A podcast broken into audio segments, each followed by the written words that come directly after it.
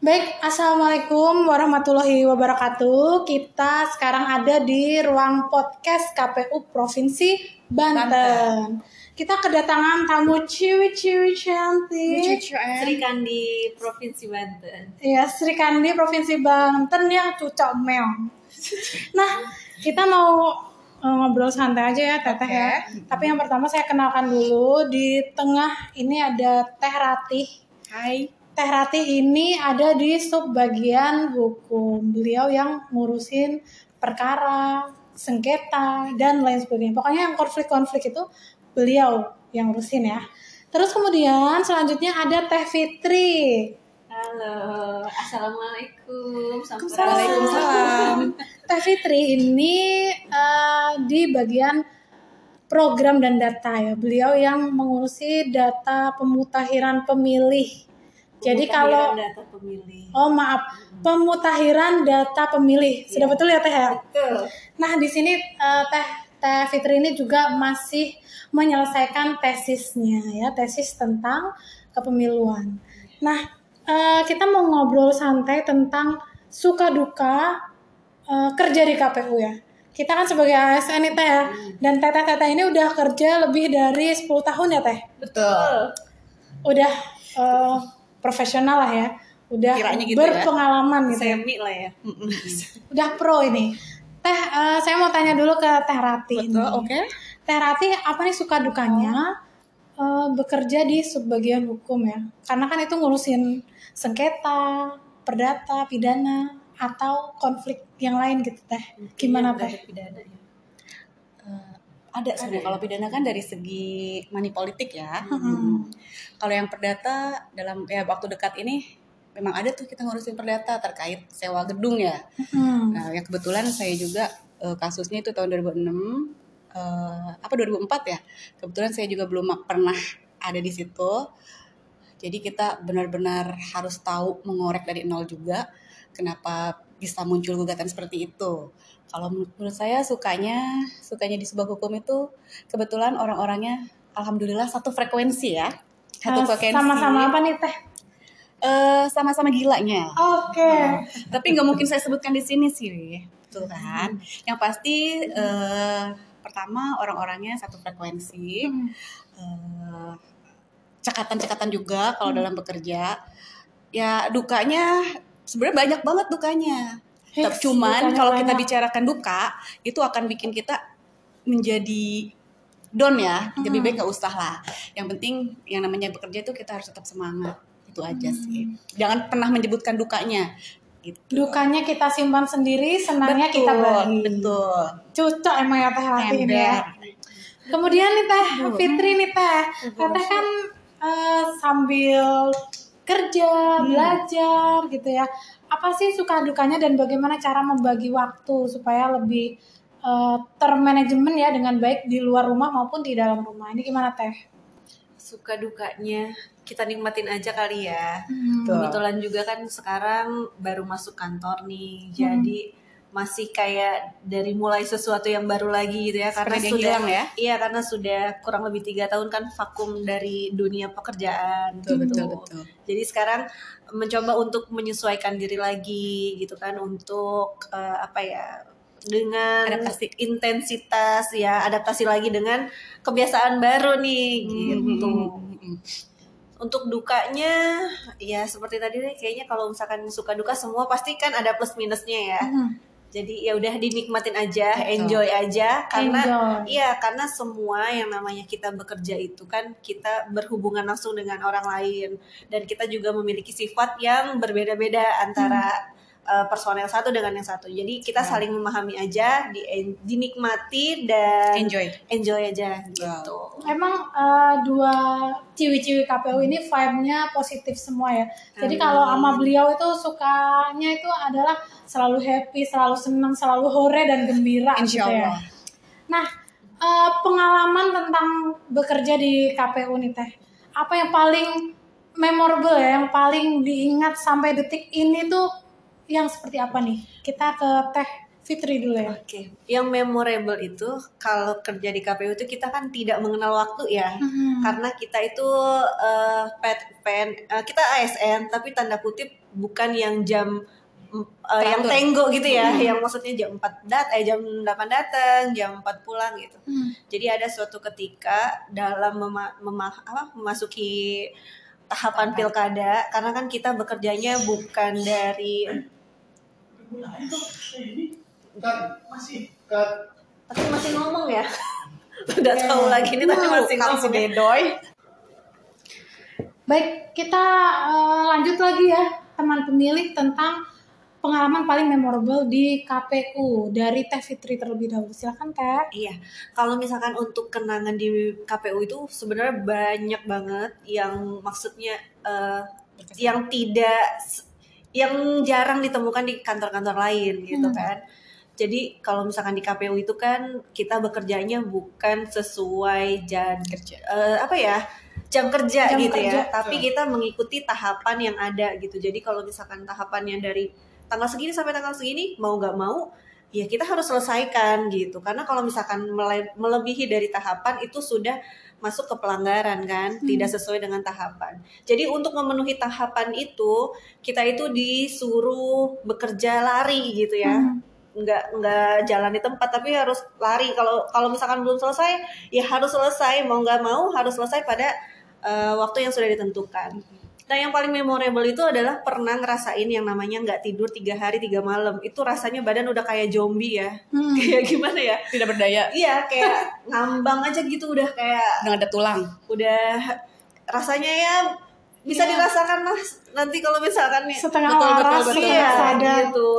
Tapi mau nggak mau, bisa nggak bisa ya harus bisa gitu. Nah di situlah uniknya kita sebagai eh, pegawai di KPU gitu. Oke, luar biasa ya nggak tidur tiga hari tiga malam. Itu udah setengah waras, setengah sadar, zombie lah pokoknya. Iya. Kalau Teh Rati nih, Teh Rati, uh, apa pengalaman yang paling susah untuk dilupakan di KPU? Kebetulan memorable-nya sama sih ya, nggak jauh beda dari Fitri. Eh, kenangan yang paling indah itu benar-benar berkesan banget itu pas waktu tahapan verifikasi DPD kalau nggak salah.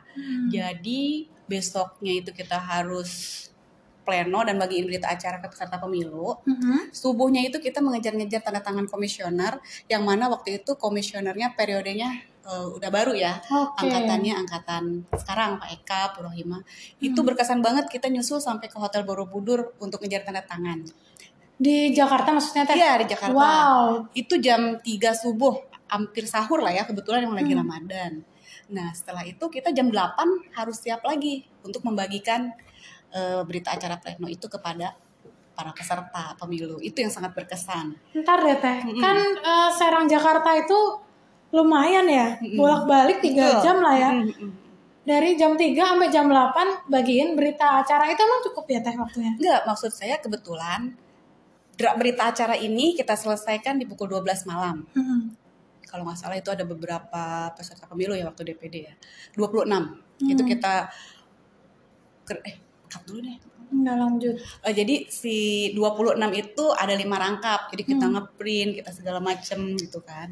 Nah, di, setelah selesai pekerjaan itu kita jam 1 langsung pergi ke Borobudur untuk ngejar tanda tangannya para komisioner itu. Hmm, iya iya. iya. Jam 7 kita harus siap-siap lagi dong Hmm. prepare untuk bagiin berita acara itu ke peserta pemilu. Oke, Teh mandi nggak kira-kira semua orang di situ? Kenapa? Dalam cerita itu semua orang mandi nggak itu? Eh kebetulan kita bisa sempat mandi dulu dong, Oh, mandi iya, dulu dan oke. kebetulan memang lagi Ramadan. Jadi kita sahur di sana, kita sahur. Alhamdulillahnya solid semua. Oke, Mm-mm. luar biasa ya.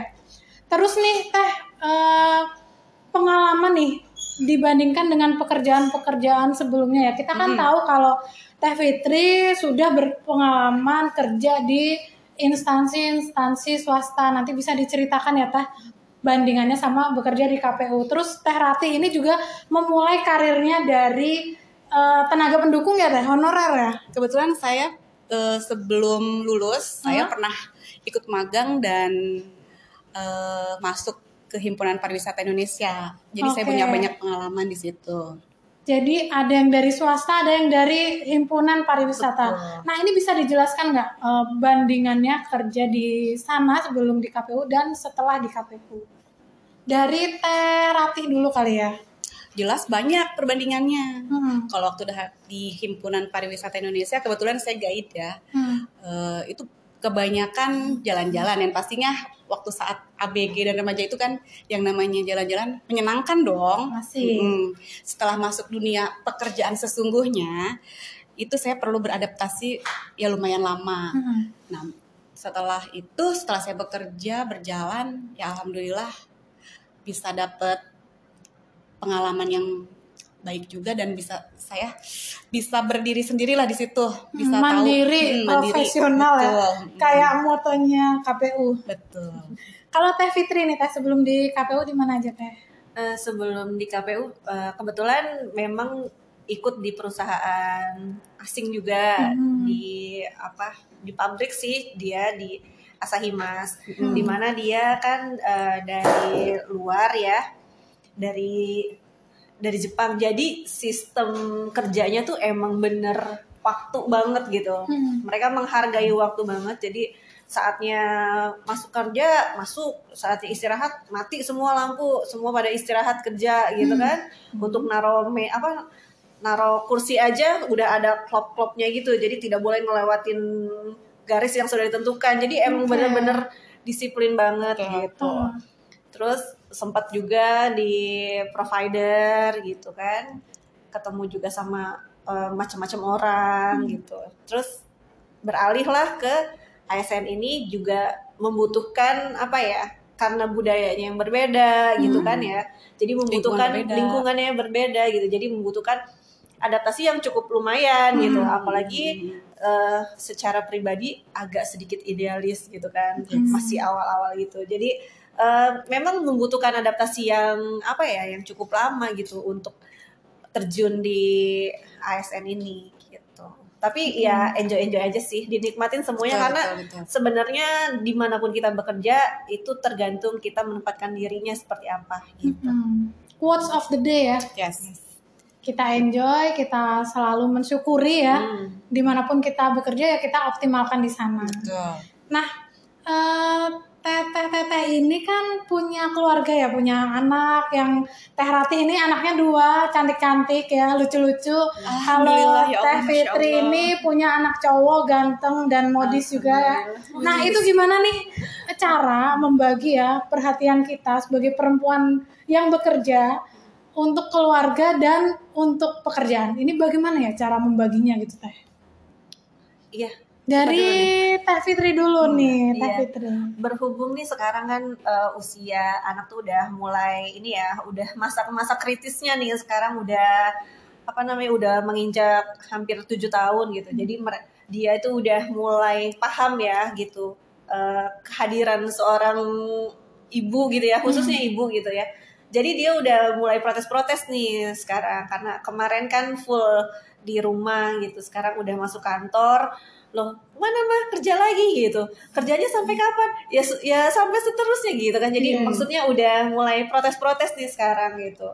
Jadi ya mungkin kita bisa berikan ini aja sih pemahaman bahwa ya sebagai selain tanggung jawab sebagai ibu gitu eh, mama juga punya tanggung jawab sebagai ASN-nya gitu. Maksud sebagai karyawan atau pekerjanya gitu jadi ya beri pemahaman aja gitu. Pemahaman ya kuncinya ya. Hmm. Kalau Teh Rati nih dengan dua anak gadisnya yang cucok itu gimana nih Teh untuk membagi waktu keluarga dan pekerjaan?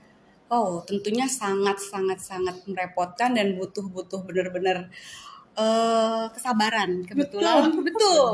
Kebetulan dua anak saya itu kritis-kritis Hmm. dan dengan jarak yang sangat berdekatan. Jadi ketika mamahnya sibuk eh jadi saya kayak punya beban sendiri gitu ya. Hmm. Mm-mm. Anak-anak saya udah pada sekolah juga gitu kan.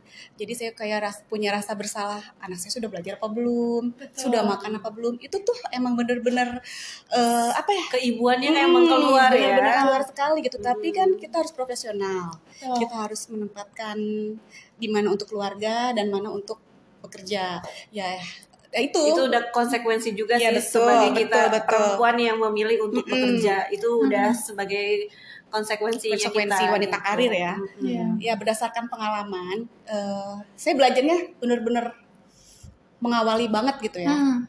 Wanita karir dengan dua anak itu memang sulit banget. Tapi lama kelamaan dan saya juga bekerja sudah lama banget ya. Hmm. Jadi alhamdulillah anak-anak juga lama-lama mengerti sih. Yang penting kita kasih pemahaman. Iya, kuncinya Iya, pemahaman. sesuai ya. dengan usianya. Betul. Kalau saya kan anaknya masih kecil ya teh. Mm-mm, Rumi ya Eh, lucu banget ya. hampir 4 tahun nih.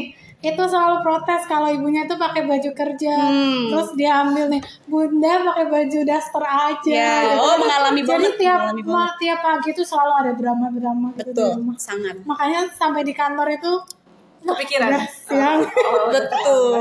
gitu teh. Mm-mm. Tapi emang eh, pilihan itu mengandung konsekuensi ya yang tetap harus kita jalani. Terus teh eh, untuk pekerjaan nih, kita kan sebagai penyelenggara pemilu itu bekerjanya bisa sampai nggak mengenal eh, hari libur ya. Semua tanggal Hitam. hitam.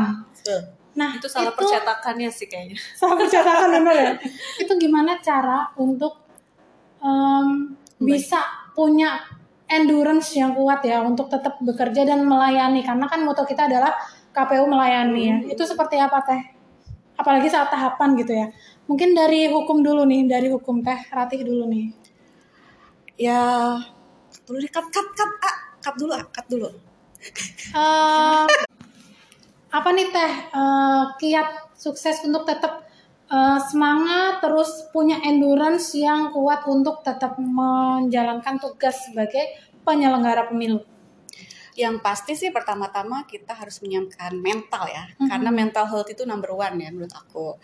Jadi eh, sejujurnya di KPU ini juga saya belajar kedewasaan sih. Bagaimana saya harus membagi dan menjaga kesehatan saya pastinya. Eh, dulu-dulu saya nggak pernah sarapan nih, karena saya mengejar apa sudah masuk tahapan nih, Mhm. yang kadang-kadang suka lupa sarapan dan nanti efeknya jadi sakit. Jadi saya mau tidak mau harus pertama yang harus disiapkan itu untuk fisik ya Mhm. sarapan itu jangan pernah Sarapan, ketinggalan. Jangan Mm. lupa sarapan. Mm. Kedua Oke. yang jelas-jelas itu air mineral 3 liter sehari itu benar-benar banget itu multivitamin dari segala Hmm. vitamin gitu kan. Untuk menjaga kelembapan kulit ya. Betul. Karena kita harus di luar kena terik matahari, di ruangan kena AC. Itu apalagi kan- tropis ya kita ya. Betul, Panas betul, banget. Iya. Kalau untuk?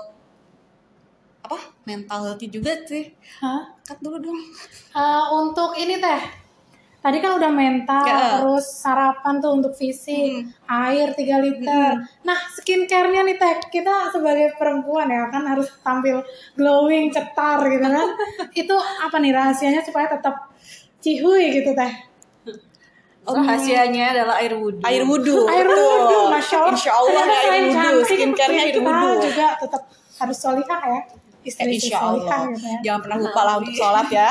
Pasti wudhu juga lima kali lima kali lima kali ya. Lima kali sehari. sehari Lima. di dalam lima waktu sholat em. Mm-mm. Kalau eh, kiatnya Teh Fitri nih supaya tetap bugar, cantik, awet muda itu gimana nih Teh? jangan lupa bahagia Betul. Betul. Jangan lupa bahagia karena jangan bahagia lupa itu bahagia pokoknya bahagia itu sumber number one. sumber dari segala apa ya ya kehidupan kali ya kalau misalkan Hmm. kita pikirannya sedih apa itu kan ke bawah ya ke aura kita Hmm, betul. gitu kalau kita semua hadapinnya dengan senyum dengan Hmm. bahagia ya insya Allah semuanya bisa dilewatin Oke. gitu Jadi kalau saya ambil kesimpulan yang pertama nih jangan lupa sarapan.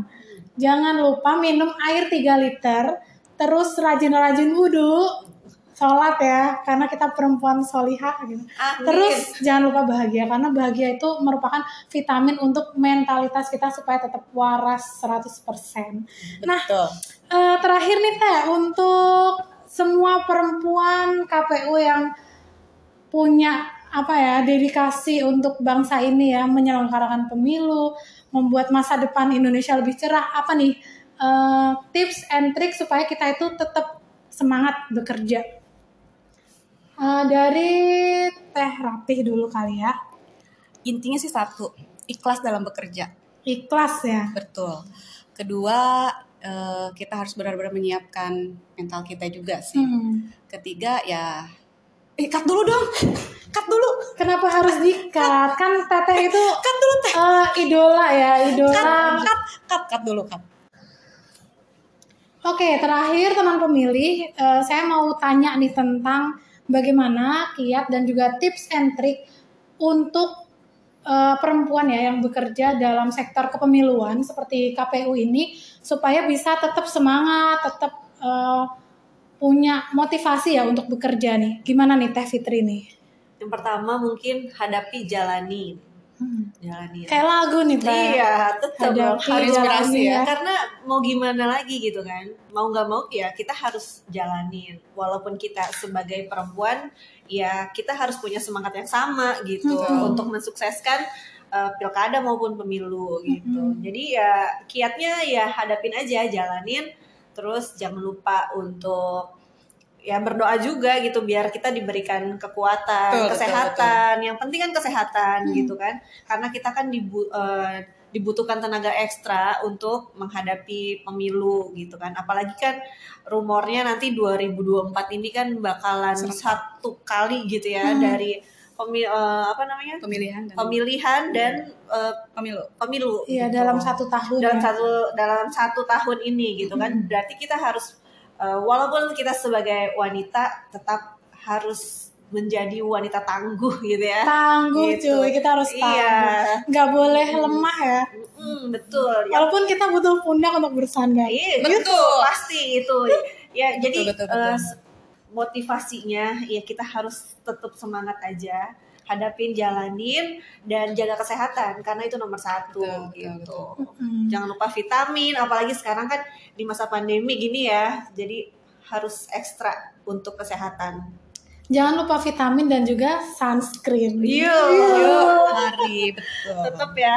Iya, kalau terapi nih teh, teteh kan nanti akan em, melingkupi ya proses pemilu dari mulai pertama tahapan sampai nanti akhir evaluasi nih karena bidang hukum ini merupakan bidang yang krusial juga nih teh. Pastinya Harapannya teteh untuk pemilu 2024 itu pengennya seperti apa teh? yang pasti berjalan damai. Damai Itu ya? satu, tidak ada chaos gitu kan. Hmm. Nggak ada Huru hara. huru hara yang sampai merugikan rakyat pastinya. Hmm. Ya yang harapan saya itu satu aja, berjalan dengan secara tertib, aman dan nggak ada gugatan-gugatan lah pastinya ya. Uh, berjalan dengan jujur, sangat adil lancar, ya. jujur, adil dan apa ya? Terbuka, lu berjurdil, Nah, betul ya sesuai dengan prinsip ya. Mm-mm. Hmm. yang pasti sih kita harus Pokoknya selalu benar-benar siap aja Siap siap gitu ya, siap benar-benar siap ikhlas ikhlas, ikhlas juga siap, dalam bekerja dan mengharapkan pemilu itu berjalan dengan Betul. damai tanpa chaos mm-mm. sengketa karena kalau sengketa kita kerjaannya makin banyak. Betul nggak sih? Pastinya pastinya. Alhamdulillahnya punya pimpinan juga Pak Kasubag Pak Indi Beniarto lah ya. Mhm. benar-benar hebat banget sih menurut saya. Iya. Kasubagku juga hebat, Kasubagnya Oh iya, Teh. Fitri juga hebat. Kita ya, semua bisa punya Kasubag, semua yang Kasubag kuat-kuat. yang hebat. betul yang kuat-kuat.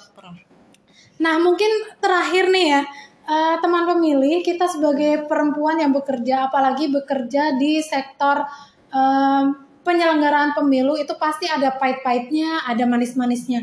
Tapi kita bersepakat untuk semuanya tuh harus dihadapi, dijalani, dan ikhlas selalu bersyukur. Dan untuk terakhir, saya berpesan nih kepada teman pemilih, jangan sampai kita melewatkan hak pilih kita ya nanti untuk uh, pemilu 2024 karena itu merupakan kontestasi politik dan menentukan masa depan Indonesia ke depannya. Jadi kita itu menentukan masa depan Indonesia. Nah, mungkin di akhir sesi ini saya ingin berterima kasih ya untuk seluruh perempuan Indonesia yang berdedikasi untuk keluarganya, untuk masyarakat dan untuk negara dalam segala sektor kehidupan. Terakhir kita mau undur diri. Terima kasih Teh Fitri. Sama-sama. Terima Terima kasih Teh Ani. Semoga selalu sehat, Amin, glowing amin, dan amin, amin, ya cucok meong ya. Kita undur diri. Terima kasih. Wassalamualaikum warahmatullahi wabarakatuh. Salam Waalaikumsalam warahmatullahi wabarakatuh